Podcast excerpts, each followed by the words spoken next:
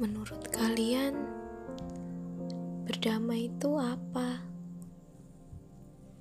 Menurutku, berdamai itu menerima takdir dari Tuhan. Karena seribu kali pun kalian menolak, itu akan tetap terjadi dalam hidup kita.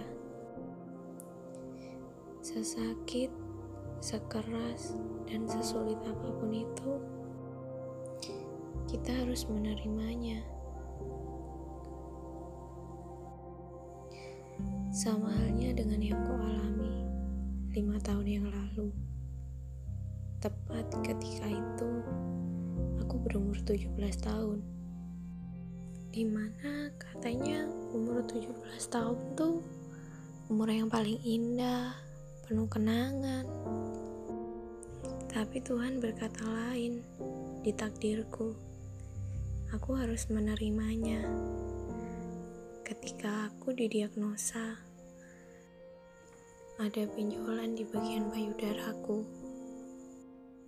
Seketika duniaku runtuh.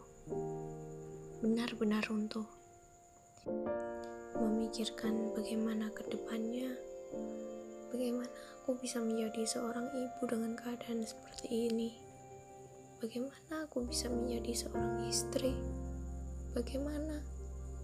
Pertanyaan-pertanyaan itu yang dulu sering aku rasakan. Bahkan itu menjadi sebuah aib untukku.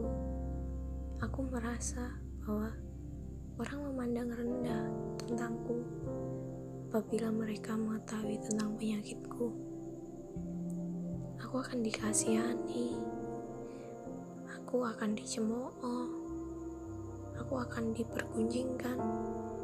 Hal-hal itu yang memenuhi pikiranku. Dan bahkan ketika aku memulai hubungan dengan seseorang, aku akan sangat memikirkan bahwa apakah dia akan menerimaku dengan keadaan seperti ini. Banyak hal-hal yang membuatku memendam semua ini. Bahkan hanya teman-teman terdekatku yang tahu bahwa aku bahwa aku pernah operasi tumor payudara. Dan akhir-akhir ini kenapa aku mulai membicarakan tentang masa laluku? Karena ternyata banyak orang di sekitarku mengalami hal yang sama.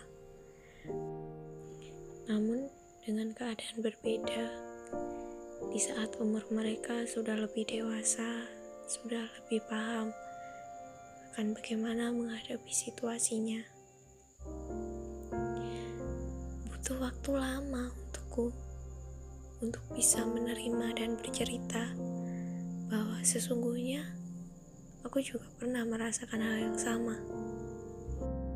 Hal yang gak ingin dialami oleh setiap wanita di dunia.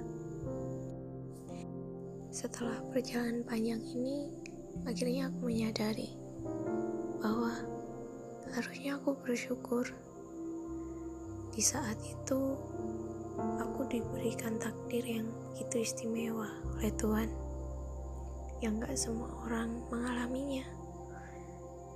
Dan itu membuatku tersadar bahwa harusnya aku berbagi.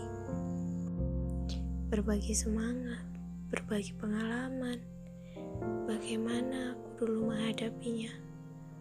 Walau bahkan dulu aku harus dikuatkan oleh ibuku, dan aku harus menerima.